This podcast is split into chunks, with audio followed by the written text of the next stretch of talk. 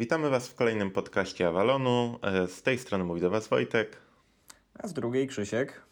To jest kolejny odcinek poświęcony komiksowi Amazing Spider-Man pisanym, e, pisanemu przez Nicka Spencera.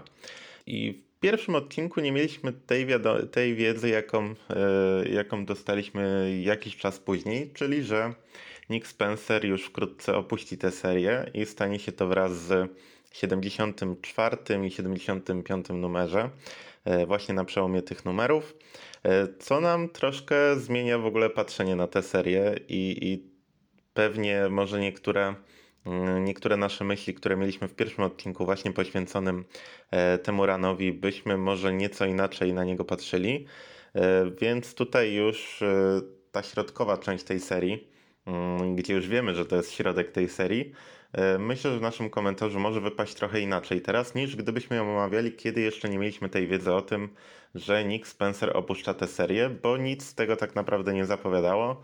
E, I o tym też rozmawialiśmy z Krzyśkiem już na.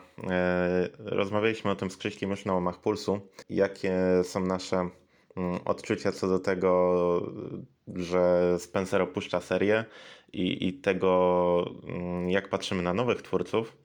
No ale wróćmy do momentu, na którym skończyliśmy mm, omawianie tej pierwszej e, części e, tego ranu, czyli momentu, w którym kończymy ten mini event Hunted. I o ile jeszcze mieliśmy jakieś pozytywne odczucia co do tych pierwszych numerów, to przynajmniej w moim przypadku to Hunted to już tak e, dość mocno studziło mój zapał do Spencera.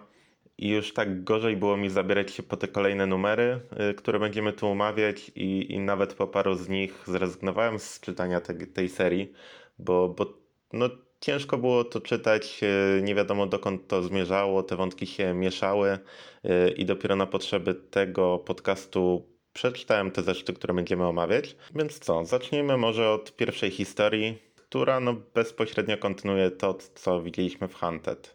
Mm, No w zasadzie ten sam początek po tym, e, po tym Hunted, no to, to jest takie jedno wielkie robienie nadziei z tym Kindredem. E, Mówię tu o pierwszym zeszycie bezpośrednio po Hunted.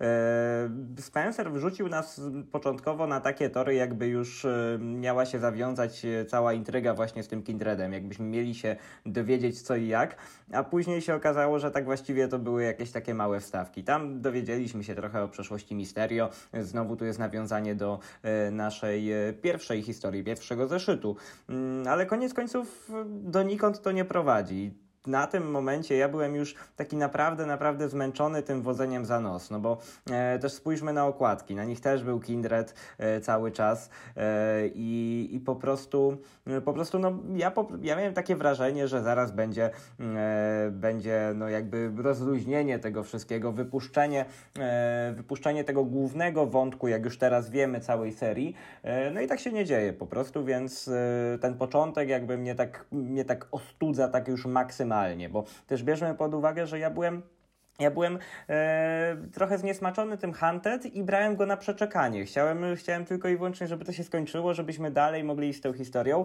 a tu się okazuje, że jednak nie. No tak naprawdę przez, jeżeli ktoś śledzi serię w tomach, no to mamy tu chyba trzy czy nawet cztery tomy, gdzie potem ten Kindred po prostu jest gdzieś w tle i nie jest w ogóle kontynuowany ten jego wątek. I w tych kolejnych historiach mamy kontynuowane mm, z kolei inne wątki, które sobie Spencer nakreślił. I tu się wydaje trochę, mm, to się wydaje trochę tak, jakby Spencer za dużo tych wątków po prostu sobie rozpoczął. E, I no, ciężko było zbalansować tak naprawdę między sobą je wszystkie. E, Do tego to chodzi też jak dla mnie problematyczne, problematyczne wstawki, w których no, praktycznie co zeszyt mamy przypominane, co tak naprawdę się działo w poprzednich. I kiedy czyta się to już zbiorczo, to, to naprawdę jest denerwujące. I gdyby te numery wychodziły jeszcze jakoś bardzo rzadko, to może miałoby to jakiś sens, ale, ale taka sytuacja no, naprawdę wybija z rytmu, kiedy się to czyta. Mm, No i tak jak mówisz, ten pierwszy numer no, sugeruje, że ten Kindred odegra jakąś ważną rolę w tych e, kolejnych numerach, a tak naprawdę no, powraca tu wątek e, bumeranga. Mm, Chociaż jeszcze zanim powróci bumerang, no to mamy jeszcze ten no, taki, e, nazwijmy go rocznicowy numer. No, Marvel nawet 25 numer teraz świętuje. I tu mamy tak jakby kontynuację części wątków, a z drugiej strony no, nakreślenie tych dalszych losów tych bohaterów, e, bo mamy tu chociażby spotkanie Mary Jane e, z Elektro, tą nową Elektro, tak, ale jeszcze tak zatrzymując się właśnie przy tej Mary Jane, to akurat jak, jakbym wieszał psy na tych początkowych numerach, to ten wątek był fajny, bo tutaj Mary Jane ma taką swoją własną bohaterską historię yy, i to wypada super, więc, więc to jest ten jeden element tych początkowych zeszytów Puchantet, który mi się podobał. Nie, to się z tobą zgodzę, to naprawdę ten numer wypadł fajnie i jest to chyba jeden z nielicznych, w których, których ta Mary Jane naprawdę fajnie wypada, bo omawialiśmy też poprzednie zeszyty i ona tam się pojawiała. Mm, mieliśmy też troszkę różne zdanie na temat y, tego, tej jej roli w tym wszystkim, a tutaj ona wychodzi już tak całkiem na ten pierwszy plan, tylko że kiedy to się dzieje, to jej cały wątek zostaje przeniesiony do nowej serii Amazing Mary Jane ja tej serii nie czytałem, ale ty chyba. Ja czytałem. No właśnie. E, no i generalnie ta seria była po prostu nieszkodliwa. Ona miała fajny pomysł, e, bo tam faktycznie Mary Jane współpracuje sobie z Misterio e, na planie filmu e, no, super, super, super bohaterskiego. Natomiast oryginalnym członkom, znaczy nie oryginalnym członkom, ale członkom Sinister Six nie podoba się ich wykorzystanie w tym filmie. To później zostanie przerzucone do głównej serii, w tych bliższych nam czasowo już numerach. Natomiast w przypadku tej serii, no to po prostu tam są jakieś walki, wybuchy. Jest to po prostu nieszkodliwe. Czyta się to nie za źle, ale też nie jakoś rewelacyjnie, więc y, po prostu sobie to jest. Ale też fajnie, że, że na Mary Jane się zwraca jakoś uwagę, bo uważam, że to jest postać, która zasługuje na coś takiego i nawet taka kilkuzeszytowa seria, czy nawet takie poświęcenie jednego wątku e, w tym numerze 25, no to jest po prostu w porządku zagrania. Spencer trochę sobie czyści ten wątek i nie zajmuje się nim przez te właśnie kilkadziesiąt nawet numerów. E, i, i jedyne przypomnienia o tym, że Mary Jane nadal jest w życiu Petera, no to są te momenty, kiedy on po prostu za nią tęskni, bo ona wyjeżdża i, i to nie jest tak, że ona gdzieś kręci ten film blisko niego. E, mamy też już napoczęty wątek ponownych oświadczeń. I, I to też jest ciekawe. Ten wątek też tutaj jest zarysowany właśnie w tych pierwszych zeszytach, które omawiamy. Mm, później zostaje odłożony na bok e, w tych kolejnych, które będziemy omawiać. Jest znowu nakreślone, że Johna Jameson ponownie gdzieś tam e, w tym życiu Parkera jest mu, jest mu bliski i, i też będziemy mieli jakąś współpracę między nimi. E, no a sama Elektro, która mm, walczyła z Mary Jane, dołącza do, do nowej organizacji złoczyńców, do, do Syndicate, które tworzą same kobiety, super złoczyńcy. I ten wątek już no, za chwilkę powróci, bo tutaj ta kolejna historia, no to ona tak jakby, mm, no mamy tu kilka stron, mamy Boomeranga, mamy właśnie Syndicate, mamy Kingpina, no i gdzieś w tym wszystkim jest też Spider-Man, y, no i ta historia, tak jak powiedziałeś w sumie o tej serii o Mary Jane, że jest nieszkodliwa, no to ta historia trzyzesztowa, ona też określiłbym ją takim mianem, ona jest przyjemna, jest tu, jest tu, mam tu kilka fajnych, zabawnych scen, no bo jest tu i Boomerang, jest tu Beetle, których Spencer wcześniej prowadził w swojej serii e, i, i to wypada no, po prostu przyjemnie. No ja, ja się z tym co do zasady zgodzę. Odbiór mam chyba mm, lekko lepszy i to nawet po tym, e, po tym okresie, który który minął od tego, od tego czasu, kiedy czytałem to po raz pierwszy, chyba odbiór mi się tutaj trochę polepszył, bo ten Syndicate to jest naprawdę fajny pomysł. E, abstrahując już od tego, że tam oprócz Beatle te postaci są zupełnie i Elektro trochę, natomiast e, te postaci są, e, są po prostu, e, no są, nie mają żadnego większego zarysowanego charakteru tutaj, więc, więc wypada to słabo. Później jakieś takie zalążki tego charakteru się pojawią, natomiast na, w tej początkowej historii tego nie ma.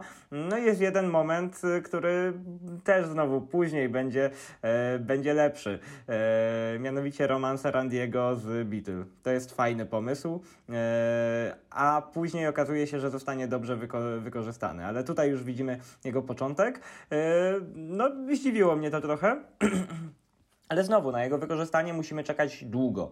Yy, I to jest cała, cała, cała, cała właśnie ta nieumiejętność trochę pisania Spidermana przez Spencera. To rozpisanie historii na trzy w zasadzie lata, jak nie więcej, nie no, trzy lata yy, i żonglowanie tymi wątkami, wracanie, yy, także ma się jakieś odczucie, że o, zrobił jakiś wątek, którego nie domknął, a tak naprawdę on chce to domknąć, tylko że później. Yy, więc to jest kolejny przykład. Ale tak generalnie, generalnie fajna, fajna taka historia, yy, no, która nie ma, nie ma, nie, nie daje nam jakby za dużo, e, za dużo zagwostek, ale jest akcja i jest ona przyjemna. No, ogólnie mam takie wrażenie, że zawsze, gdzie mamy historię, w której pojawia się bumerang i jest kontynuowany ten, ten wątek, ten, ten wątek, e, w którym pojawia się też Kingpin, no to jest ciekawiej niż to wszystko, co jest związane z Kindredem, bo no nie dość, że tam nie wiadomo do końca o co chodzi, no to on tak się pojawia i znika i, i trochę tracimy to tempo, które jest e, ważne przy takiej historii. No i tak jak mówiłem, ten Spencer po prostu ma kilka tych wątków, które wzajemnie w sumie się nie łączą. Przynajmniej na tym etapie ten wątek Boomeranga i Kindreda no w ogóle się nie łączy. No i po tej przyjemnej historii mamy y, pierwsze chyba pojawienie się Teresy Parker w tej serii i początek wątku Kameleona, y, który też pośrednio wynika z Hunted, gdzie, gdzie też tam się pojawiał. Jak w ogóle patrzysz na tą Teresę Parker?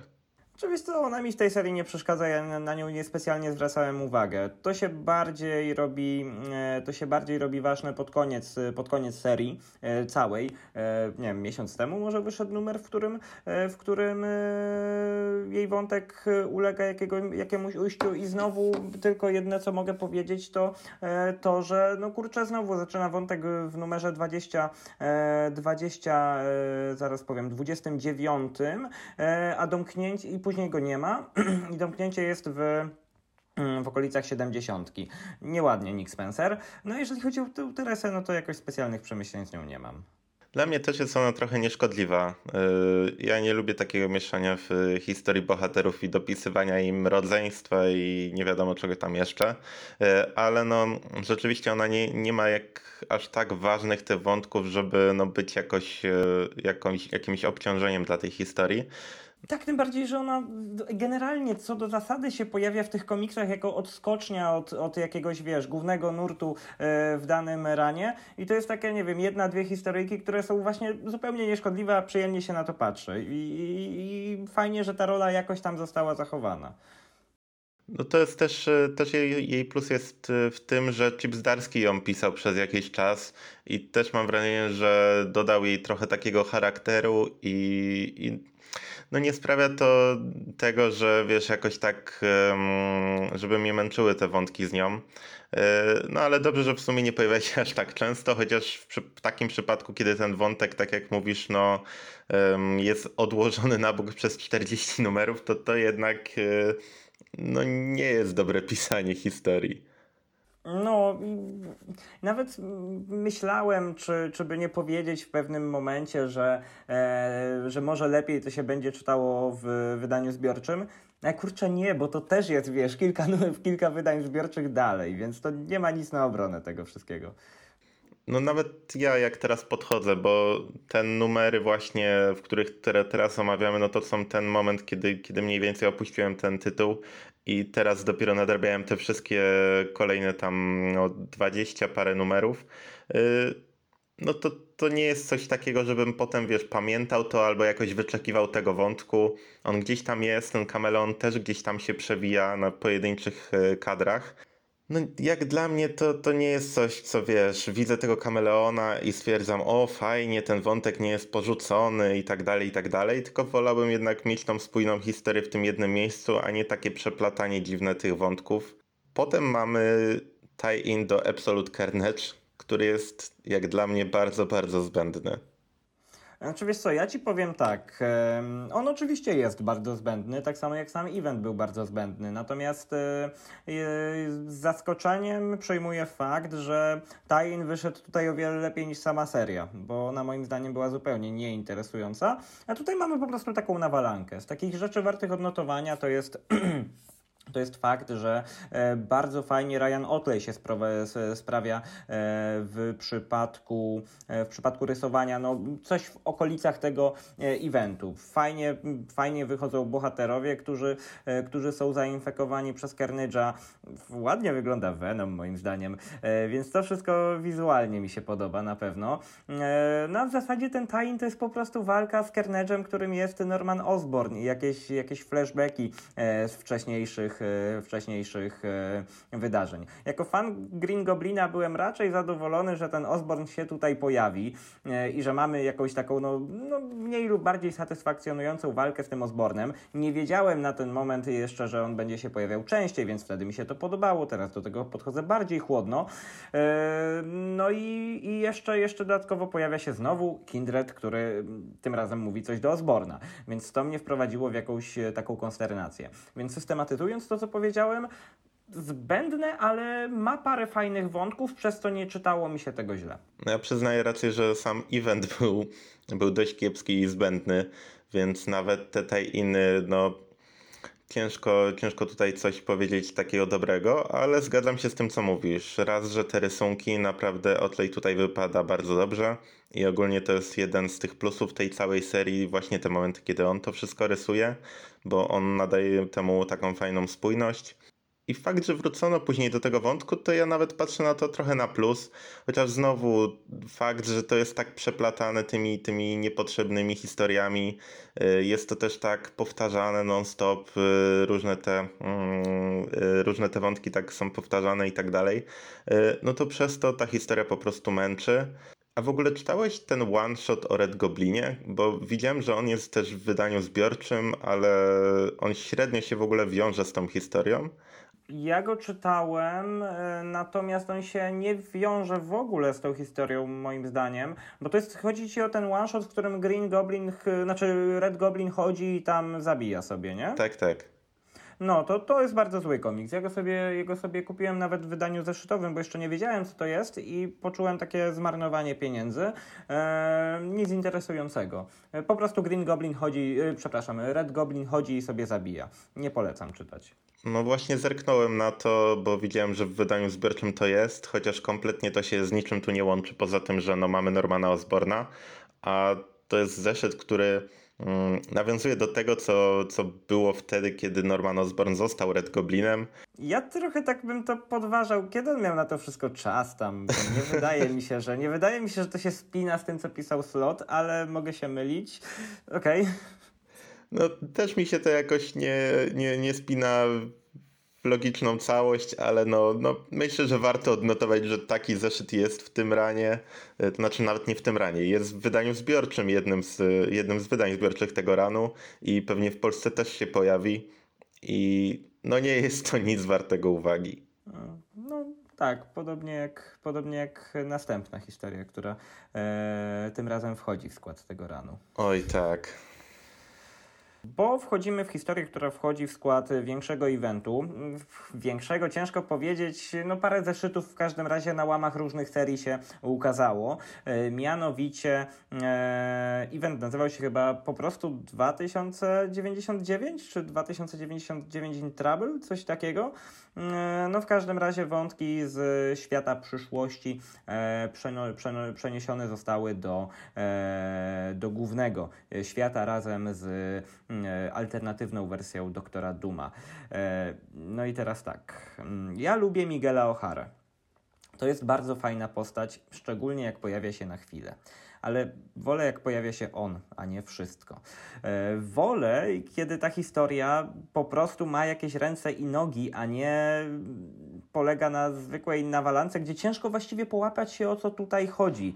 E, bardzo dużo zamieszania było e, w tych zeszytach opowiadających o tej historii z, z przyszłości, przez co po prostu e, no, to nie było interesujące w żaden sposób, e, bo za dużo tego wszystkiego było i też wydaje mi się, że po prostu to było nieciekawe. No, tak jak, tak jak mówisz, y, to jest bardzo dziwna sytuacja z tym eventem, bo z jednej strony mamy dwa one-shoty, które no, standardowo zaczynają i zamykają ten event, ten alfa i omega. Do tego mamy te różne one-shoty z różnymi bohaterami. A do tego dochodzą zeszyty, które wchodzą w, łamach, w łamy tej serii i tak naprawdę no tu nam się nigdzie nie sugeruje, że warto zapoznać się też z tymi pozostałymi one-shotami. Więc patrząc na tę historię tylko mm, z perspektywy tych pięciu zeszytów serii Amazing Spider-Man, które wchodzą w jej ramy, to, to jest to naprawdę chaotyczne, ale nawet kiedy sięgnie się po tamte one-shoty, to to nadal nie robi większej różnicy, bo to nadal jest historia, która... Ym, nie wiem, czy ona była pisana po prostu w pośpiechu i ktoś tam stwierdził, że kurczę, ale mamy ciekawy rok. 80 lat temu powstało uniwersum Marvela, a za 80 lat mamy rok 2099, więc fajnie będzie nawiązać do, do, tego, mm, do tego roku i stworzyć jakąś historię, która jakoś to wszystko ze sobą pomiesza, ale myślę, że nie tędy droga i, i to naprawdę próbuję sobie ułożyć w głowie mniej więcej, co tam się po kolei działo, ale no wiem, że było tam i zabójstwo Duma, i, i to pojawienie się Miguela. E, do tego jeszcze jeden z, e, z jeden z kolegów ze studiów Petera tworzy jakiś, e, jakąś maszynę, która pozwala przewidywać przyszłość, a raczej tam określać najbardziej możliwą zdarzenie, jakie, jakie się wydarzy. I to chyba później tam powróci jeszcze o ile, o ile się nie mylę. Tak, tak. Ale, o, ale ogólnie no ani to nie jest y, pełne fajnej akcji, ani to nie jest y, zabawne. Tak naprawdę no, jest to historia, którą wydaje mi się, że moglibyśmy po prostu odpuścić i nic byśmy nie stracili w kontekście całej serii. No dokładnie. No i jeszcze wyp wypychacze w postaci Teresy Parker, która też tutaj wypada raczej ok. I Kameleona, który jakby nie, dosta nie dostaje tutaj zamknięcia wątku. Eee, no, no to sprawia, że ta historia jest jeszcze gorsza e, w tym wszystkim. A najgorsze jest to, że, że po prostu to 2099 to się ciągnie i ciągnie. E, bo to jest kilka dobrych numerów. E, no i po prostu, po prostu, no niesmak pozostaje. No jeszcze patrząc na ten wątek w ogóle Miguela, to no z jednej strony mamy tak jakby jakiś szczęśliwy finał dla niego, bo z tego co czytałem, to w tym finale jego, jego solowej serii, no to on tam się dowiedział, że nie może już wrócić do przeszłości i do tej swojej y, dziewczyny. A tutaj jednak mamy jakiś e, szczęśliwy finał tamtego wątku, więc to na plus. Ale komiksy, więc do czasu. No to prawda, więc tutaj, tutaj no różnie można na to patrzeć, a z drugiej strony jak sięgniemy właśnie po te one-shoty, o których mówiłem, czyli ten Omega i jeszcze do tego mm, Amazing Spider-Man 2099, który też kontynuuje wątek Miguela, e, to tu już w ogóle jest masakra. Ja o tym wspominam, bo to jakoś się łączy, chociaż dla głównej serii to nie ma żadnego znaczenia, ale tam ten Miguel, który się zestarzał, spotyka siebie z młodego z tamtego czasu, i tam go przekonuje do zostania Spider-Manem. I to jest tak bardzo złe. To jest tak bardzo nie tak. I jak się pamięta, co się działo w pierwszym numerze w ogóle serii mm, z Miguelem, to, to tak bardzo zaburza. Nie wiem, nie wiem, czy czytałeś też te one-shoty, ale to było takie, takie, taki niesmak był związany z tymi one-shotami. Nie, ja, ja, tego, ja tego czytałem tylko to, co było w Spider-Manie, bo jakby się, serię śledzę, e, a to było tak, tak nieinteresujące i tak po prostu, no, no nie moje klimaty, więc sobie to odpuściłem, a też e, sama konstrukcja eventu jest taka, że to nie ma żadnego wpływu na continuity komiksowe, więc, więc no, więc po co? Z takiego założenia wyszedłem. No i wyszedłeś chyba z lepszego założenia niż ja, bo ja stwierdziłem, że może tamte one-shoty coś mi jeszcze wyjaśnią, jeżeli chodzi o tę główną historię, bo ona nie ma większego sensu, ale no jeszcze bardziej mnie po prostu zdenerwowały tym, że no mieszają w tak niepotrzebny sposób w tej historii. No szkoda, ale wróćmy może właśnie do głównego wątku. A tam, a tam wcale nie jest lepiej. E, hmm. W sumie co my tu mamy? Mamy zeszyt, teraz jesteśmy przy zeszycie 37 i... Czyli wypychaczu generalnie. Tak. I tu mamy początek wątku Sin Itera, a raczej jakiś tam sugestie, Jeden że... panel. No dokładnie. I mamy tutaj sugestię, że on powróci i on odegra jakąś tam rolę. Dobra, to może zatrzymajmy się chwilę przy tym Siniterze. E, fajnie, fajnie, no tutaj trzeba przyznać Spencerowi, E, Postać taka naprawdę, naprawdę średnio, średnio ważna. E, Tutaj jest e, podniesiona do rangi, rangi wielkiego złoczyńcy. To jest fajne, bo Spencer się trzyma tych, tych takich mniejszych postaci. To widać, że je sobie wybiera i, i po prostu coś z nich robi. Jakkolwiek później o tym będziemy mówić, e, ta historia z Ciniterem nie należy do najlepszych, na pewno do jednej z bardziej rozbudowanych, ale nie najlepszych. To jednak podoba mi się, że on te wątki jakby recyklinguje i, i, e, i wypada to no, raz gorzej, raz lepiej, natomiast, e, natomiast mm, no fajnie, że nie stawia na tych takich sztampowych przeciwników. Spróbuję się odnieść do tego wszystkiego, bo tu naprawdę yy, podniosłeś kilka kwestii, które, które tak mam inne spojrzenie na to wszystko. Okej. Bo Sin Eater, no tak jak mówisz, nie jest to jakiś pierwszoligowy przeciwnik Spidermana, ale jest to taka postać, która no, miała swój początek, miała swój koniec i to jak dla mnie jest naprawdę fajna historia i jedna z lepszych o Spidermanie, jeżeli bierzemy całość tego. Mm, I wracanie do postaci, która zmarła i zmarła jeszcze no, w takiej historii, jest dla mnie problematyczne. Ja wiem, że te rezurekcje i te powroty to już jest po prostu codzienność dla tych superbohaterów, ale wchodzenie na tak grząski grunt z taką postacią, takiego formatu, bo kiedy tam wiesz, wraca do życia Misterio czy Elektro, to okej, ale no przy takiej postaci, gdzie mm, to ta waga jak dla mnie tej, tej śmierci ma większe znaczenie, to, to już naprawdę scenarzysta musi dostarczyć historię, która dobrze uzasadni ten powrót. I to, czy dobrze to uzasadnił, to może jeszcze do tego wrócimy, kiedy, kiedy, ten, kiedy będziemy omawiali tą główną historię z tym Siniterem. I, I może skupmy się jeszcze na tym, co jest w tych kolejnych paru numerach. Bo tutaj mamy ten wspomniany już powrót J. Johna Jamesona do życia Petera, gdzie, gdzie jednak gdzieś tam bliżej chce być tego Spidermana i trochę się zrehabilitować za te lata, w których em, no, uprzykrzał mu dość mocno życie i, i sprawił, że no, w oczach części opinii publicznej no, nie, nie był e, dobrze widziany. Tutaj Johna podchodzi no pod, z podobnymi metodami, ale jako kibic Spidermana, co też niekoniecznie y, pomaga Peterowi. Y, Ale mamy tu fajny wątek już ich wspólnej rozmowy, tylko nie tak jak w tym jednym zaszycie, gdzie rozmawiali po prostu sam na sam, tylko tu już mamy w formie podcastu i to wypada jak dla mnie fajnie. Y, Do tego też dochodzi trochę akcji. Mm, I to był kolejny taki przerywnik. Y, Już wcześniej też miał Johna y, tą swoją historię z Spider-Manem, ona też była fajna. I tu też mamy ten fajny przerywnik przed kontynuacją mm, dalszej akcji. No właśnie, koniec końców kolejny, z- kolejny zeszyt wypychacz, natomiast ten, tak jak mówiłeś, jest bardzo fajny. Mi się podoba ta odnowiona relacja e, Spidermana z Jamesonem i tu ma takie świetne ujście. Ta historia, która była poprzednio, e, w poprzednim naszym odcinku z Jamesonem, była w porządku, natomiast tutaj ten jeden taki zaszycik jest, e, jest naprawdę też w punkt, e, co później niestety nie będzie tak kontynuowane. No ale dochodzimy też do wątku e, tej walki z e, złoczyńcami zrzeszonymi w Vipalas, e, co jest e, znowu niefajne, ale przynajmniej, przynajmniej ten zeszyt ma jakieś szczępy akcji dzięki temu, mm, co też jakąś tam wartością e, powinno być.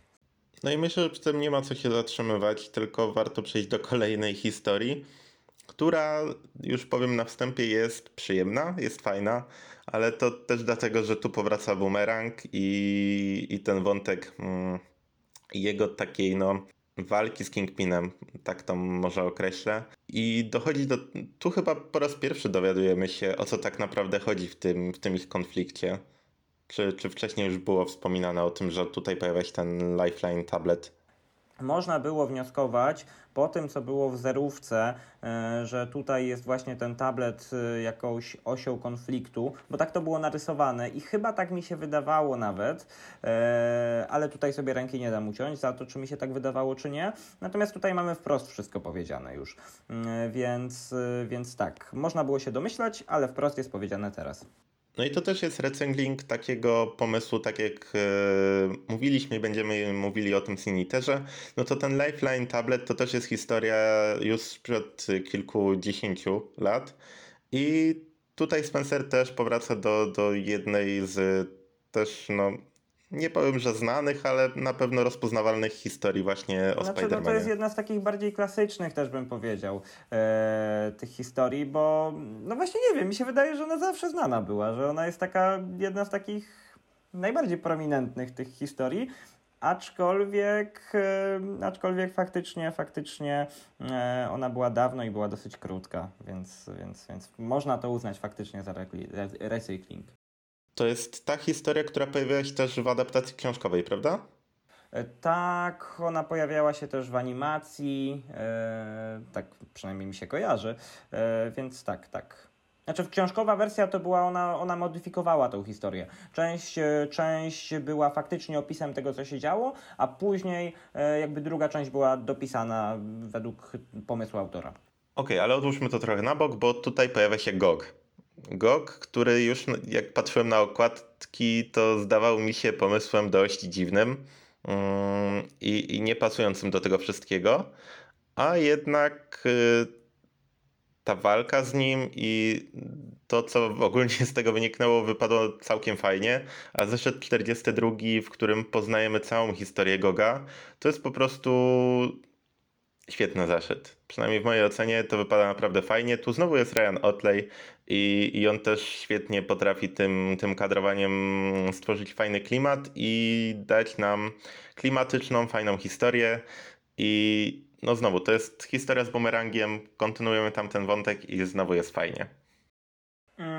No tak, z tym, że z tym Gogiem ja początkowo miałem bardzo złe odczucia na ten temat, ale jak sobie teraz to y, jeszcze raz y, pooglądałem wszystko, no to kurczę, jednak faktycznie masz rację. E, W późniejszym czasie Gog będzie zwierzątkiem domowym e, Petera i Boomeranga.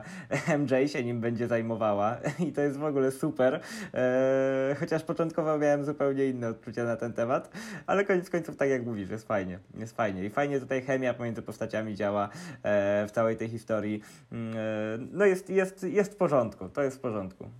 Oprócz tych zeszytów, a raczej oprócz tej głównej historii w tych zeszytach, to mieliśmy gdzieś tam mm, kontynuowany ten wątek Sinitera w backupach, tylko on tam się pojawiał na takiej zasadzie, że widzieliśmy tylko jego nogi, zaraz po jakichś tam historiach z bohaterami, którzy odegrają jakąś rolę w kolejnych numerach, czyli z Overdrive'em, z Little Legionem i z jakimś tajemniczym e, tajemniczym, no to się wydawało, że to jest jakiś save, który coś tam utrzymuje, ale, ale to jeszcze nie będę zdradzał co.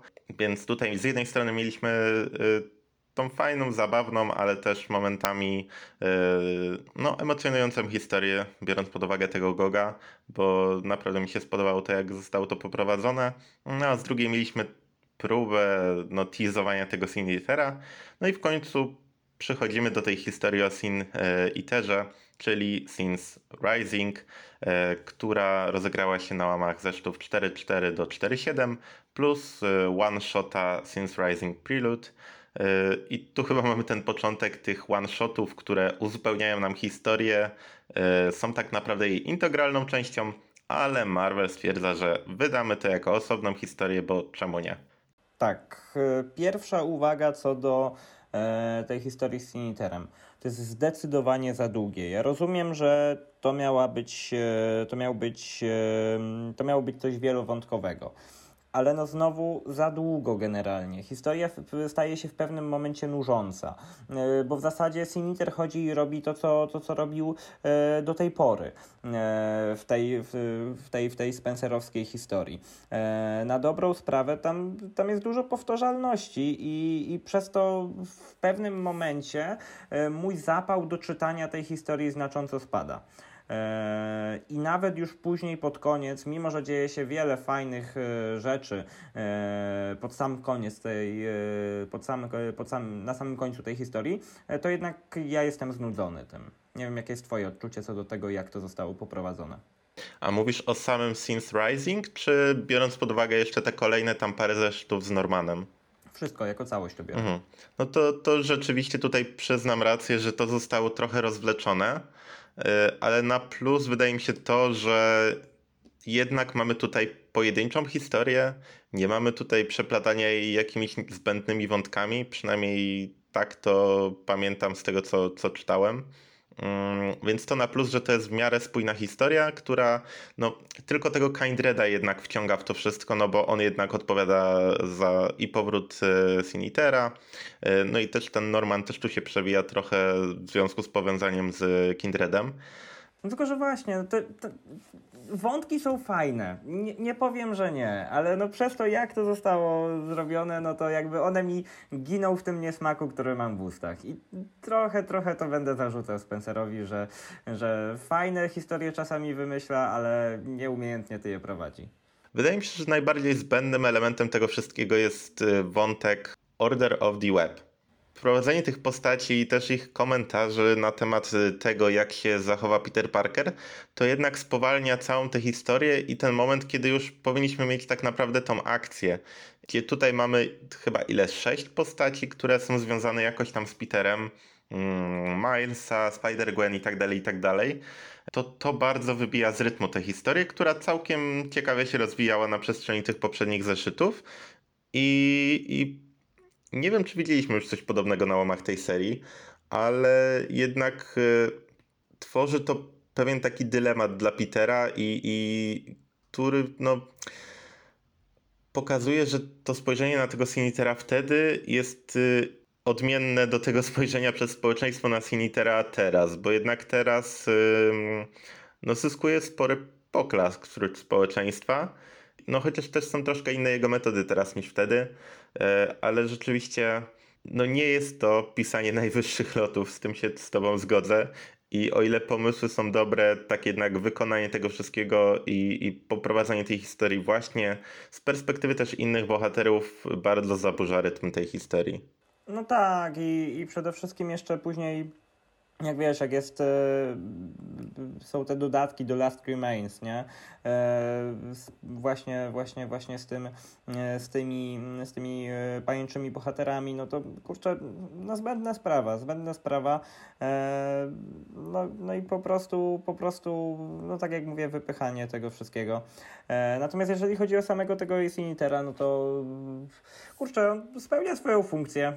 Robi to całkiem w porządku. Później jeszcze, e, później jeszcze zbiera swoich fanatyków, więc e, jest, e, jest jakieś takie pełne zagrożenie. Mm, No i, no i fajnie to, fajnie, fajnie to wypada. E, No tylko, że faktycznie, faktycznie ci te pajęczaki mm, trochę zaburzają. No mamy tu też Carly Cooper, która też y, powtarza swoją historię w jednym z zeszytów i opowiada kim jest i mm, jak w ogóle wiąże się z całą tą historią. I to też jest taki zapychacz, który nie jest potrzebny. Mamy też moment, w którym Peter powtarza całą w ogóle hi- historię mm, swoją związaną z Siniterem, którą mieliśmy już opowiedzianą dużo lepiej, dużo ciekawiej, w bardzo mm, no taki intrygujący sposób na łamach tego one-shota Since Rising Prelude. I zdecydowanie to przeciąga tą całą fabułę i gdybyśmy w miejsce tego mieliśmy jakieś rozwinięcie tego całego kultu, o ile mogę to tak nazwać, e, Sinitera, to byłoby może ciekawiej. A jeszcze gdy pod koniec Since Rising na scenę wkracza Norman Osborn, który pociągnie po części oba te wątki, mm, no to mamy już y, sporo do ogarnięcia i, i nie wiem, czy to wypada dobrze, bo nagle na łamach dwóch, trzech, y, dwóch, trzech zeszytów y, mamy też powrót Green Goblina i, i starcie tych wszystkich postaci. Dlatego będę bronił akurat. Nie wiem, bo o ile to ma ciekawą rozmowę Petera z y, Normanem, to tak naprawdę donikąd to nie prowadzi. Bo my mówimy teraz o numerze 850, jeżeli chodzi o tego goblina, tak? Tak, no jeszcze tam. No tak, Return, Return No of bo Green wcześniej to prowadziło ten, prowadziło do, prowadziło do e, tego powstania tego no, goblina znowu, e, a później, a później jak to się rozwija w 850. E, fajnie to jest, pod, moim zdaniem ja bronię tego numeru pod względem wizualnym, bo on jest trochę taką zamkniętą historią, e, bo mamy to zamieszanie w Ravencroftie, e, no i przede wszystkim, y, wiesz, no, okładka nam sugeruje, że będzie walka, że na trzy fronty będzie walka, a tu się okazuje, że e, e, że Spider-Man sprzymierza się z tym goblinem.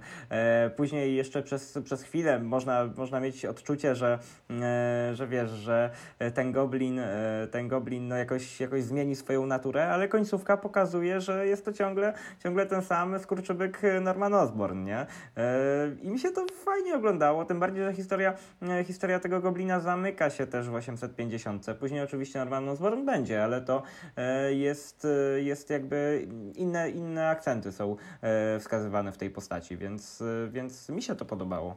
Jak dla mnie to jest trochę taka powtórka z rozrywki, bo, bo ten Norman ostatnio ciągle powraca i, i no, mówiliśmy o tych zeszytach, w którym e, z powrotem łączy się z symbiontem Carnage'a. E, Wcześniej mieliśmy też e, wspomnianą tutaj poniekąd historię z Reed Goblinem i trochę chciałbym, żeby został odłożony na bok chociaż na więcej lat, bo nic tak naprawdę w mojej ocenie to nie, nie wnosi nowego, bo mamy tutaj próbę takiego, wiesz, uderzania w te lubiane przez fanów elementy i, i, i donikąd to nie prowadzi, bo Norman powtarza, mm, przypomina pewne tam historie, Peter też przypomina, że e, zrobił w jego życiu to, zrobił tamto, przypomina o Gwen, e, o Harrym, e, tylko no donikąd to tak naprawdę nie prowadzi. Masz rację, że to buduje też nam niektóre fajne sceny, bo chociażby spotkanie Spider-Man z Normanem to, to było takie dość mm, interesujące, ale, ale z drugiej strony nie jest to wątek, który, który był potrzebny tej historii. Nie wiem jak w dalszej perspektywie, bo mówisz, że jest to jednak troszkę zmienione, e, ale na ten moment czuję, że trochę wkroczenie Normana do tej historii jednak e, zmieniło nam, nam jej tak jakby wiesz, e, jej wagę i dobrze rozwijający się wątek Sinitera, którym tworzy ten kult i, i który daje nam ciekawą taką, e, ciekawy wątek do dyskusji, czy, czy Siniter ma rację, czy nie ma racji, bo on w sumie nie zabija bohaterów, którzy, którzy popełnili jakieś tam grzechy w swoim życiu, tylko y, sprawia, że oni uświadamiają sobie swoje błędy i chcą za nie przeprosić. I to jest naprawdę bardzo ciekawy wątek. I, i trochę przez to pojawienie się Normana, on jednak e, schodzi na dalszy plan i, i dostajemy zwykłą nawalankę, która przenosi nam akcent właśnie na relację Petera z Normanem, a odciąga nas od tej dość ciekawej e, dyskusji. Znaczy, no jest w tym trochę prawdy, co mówisz, znaczy masz trochę ra- racji, natomiast, yy, natomiast tak, e, moim zdaniem to nie jest aż tak szkodliwe. E, Jeżeli chodzi o samą e, postać Normana, no to tutaj właśnie, e, tutaj jest e, w tej roli tego goblina, a później będzie w roli, e, później będzie w, no po prostu pełnił inną funkcję, co jest też podyktowane, co jest też podyt- podyktowane historią Kindreda, która będzie się rozwijała. Ja też e, Sinitera, jakkolwiek e, wątek jest e, ciekawy sam w sobie, no to biorę pod uwagę, że to jest też kolejna z intryg Kindreda po prostu i to też coś ma czemuś służyć. E, No i po prostu, po prostu to są dwa wątki, które wykorzystuje Kindred. E, No i one jakby, no one muszą tutaj być, żeby historia później miała jakieś ręce i nogi, przynajmniej w zamierzeniu, bo tych rąk i nóg nie ma. E, No. Co do tego pojawienia się też goblina, to on mnie tak specjalnie nie razi, bo e, owszem, no, on się prze, prze, przeplata co jakiś czas, ale zauważmy, że jeszcze, w- jeszcze nie wiem, 3-4 lata temu to była strasznie długa pauza bez, bez goblina, więc, więc te jego po, pojawienia się teraz są moim zdaniem akceptowalne i nie mam przesytu go jako postaci, e, a jako historię, no to ja oddzielam tutaj tego goblina od Osborna, który, e, który występuje w tej historii. E, Jeżeli jeszcze mówimy o tym numerze, to też chciałbym, chciałbym zauważyć, że fajnie, że mm, fajnie, że tutaj pojawiają się różni artyści. Nie fajnie, że pojawia się Umberto Ramos, e, no ale, ale, ale jakby, jakby, jakby fajnie to jest też poprowadzone pod względem wizualnym, chociaż oczywiście Otley na początku wypada najlepiej. No właśnie Otley wypada najlepiej, później jest też Bagley, którego ja mniej lubię, ty jednak e, go lubisz. Ja bardzo lubię. Tak. No właśnie i ja bardzo żałuję, że nie wiem, Ren Otley nie ma jakiegoś turba do ładowania, które pozwoliłoby mu narysować całą w ogóle tę serię, a przynajmniej te ważne dla niej wątki. E, I gdyby ta seria była naprawdę bardziej spójniejsza, to pewnie nie omawialibyśmy tych 50 numerów, tylko naprawdę dobrą historię na łamach 30. E, Tak. Ale to już jest dyskusja w ogóle, to już jest rozmowa na inny czas. E, Pewnie na, na finał w ogóle tej, tej serii. E, Czy to miało ręce i nogi? Chociaż już teraz chyba możemy powiedzieć, że nie. Em, Znaczy wiesz co, no to, pewnie, pewnie Spencer sobie napisał zamysł serii na jednej kartce A4 e, i ten zamysł serii generalnie co do zasady moim zdaniem jest dobry, jest, jest, jest interesujący. Natomiast e, wiesz, to, rozłożenie tej kartki na, na całą serię już nie jest dobre, więc jakbyśmy esencję wyciągnęli z tego wszystkiego, myślę, że byłbym zadowolony z, z tej esencji. Natomiast no jeszcze, jeszcze, mamy, jeszcze mamy zasadniczą część. No ale dobra, nie uprzedzajmy faktów, bo, bo jeszcze nawet nie wiemy jak się seria zakończy. E, Wróćmy może do tego e, Sinitera jeszcze, e, bo chciałem kontynuować ten wątek z uwagi na to, że mm, nie podobał mi się powrót tej postaci, bo miał fajny finał i to była mocna historia, Mm, ale jednak ten jego powrót w tej innej formie ma swoje uzasadnienie i, i dobudowanie mu tej historii w, na łamach tamtego one-shota i też parę tam wątków tej głównej serii jednak e, sprawiają, że jego powrót, tym bardziej jako marionetki Kindreda, ma sens. I, i wypada, wypada to dobrze, tylko no, znowu powraca ten wątek, o którym ty mówiłeś, że po prostu jest to męcząca, zbyt długa historia i to jest jej największy problem. A ten Norman, mm, no może rzeczywiście nie pojawiał się już wcześniej. e, W ranie slota, no to powrócił tylko na ten finał, ale nadal jakoś wolałbym nowych złoczyńców, żeby wprowadzali, niż eksplorowali te, te stare wątki i do tego jeszcze ciągle wspominając to, co się wtedy wydarzyło, te dobre historie, zamiast tworzyć nowe dobre historie. No jeszcze tak wracając do tego Sin no to powiem, że mm, to nie jest ten sam Sin Eater na dobrą sprawę. Jest tą marionetką Kindreda i moim zdaniem ja to traktuję bardziej jako oddanie jakiegoś hołdu tej postaci przez Spencera i chyba on też pisał, że, że właśnie tak ma być. Działa to dobrze, e, bo postać, tak jak mówiliśmy, jest interesująca, robi e, rzeczy, które no, po prostu wciągają.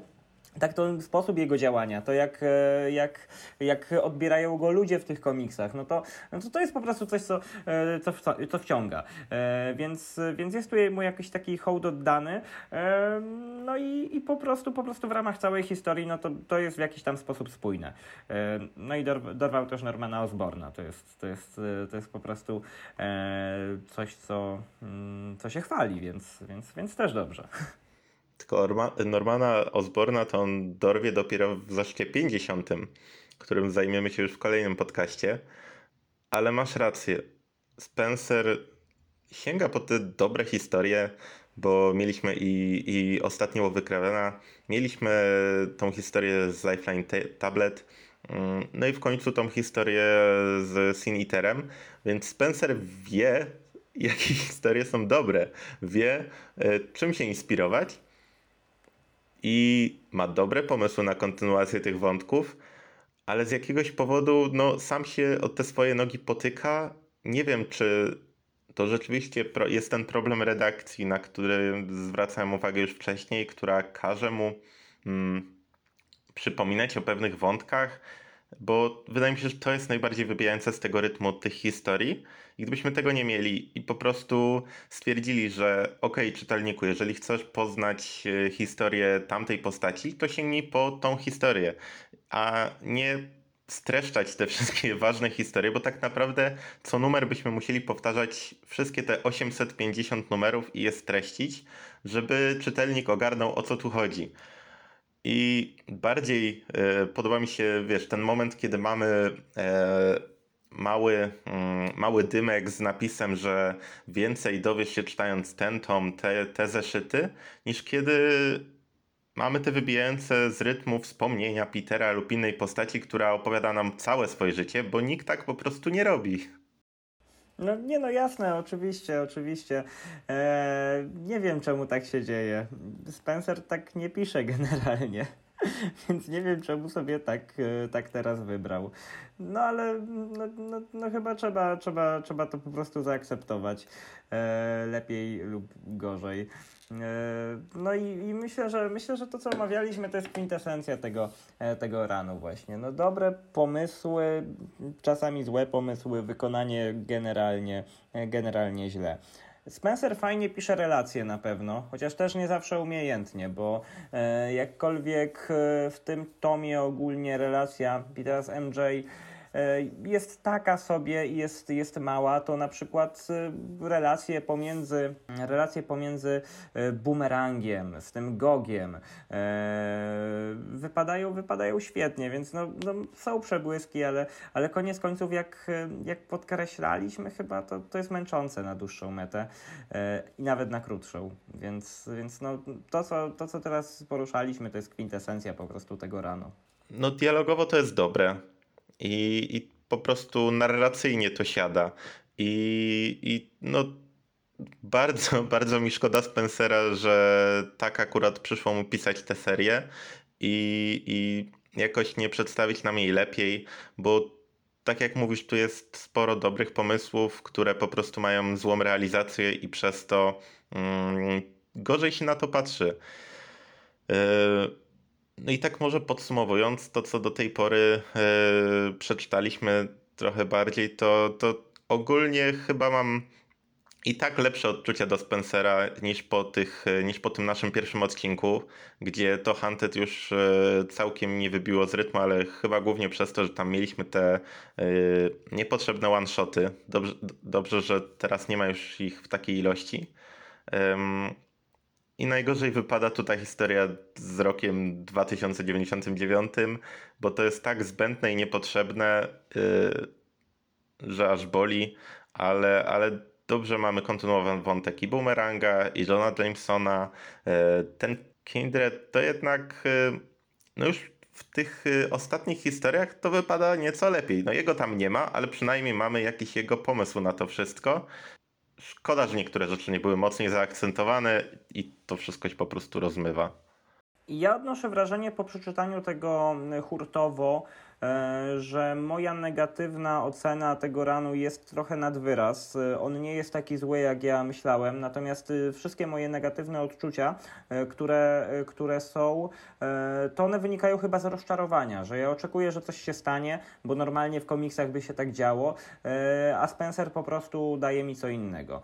E, Myślę, że w następnym odcinku, kiedy będziemy omawiać następne e, numery od 50 w górę, gdzie akcja już naprawdę, naprawdę przyspiesza, e, też są tego przykładem, no bo jakby znowu jest to rozwlekanie wątków, które mogłoby być zupełnie, e, zupełnie mm, szybsze.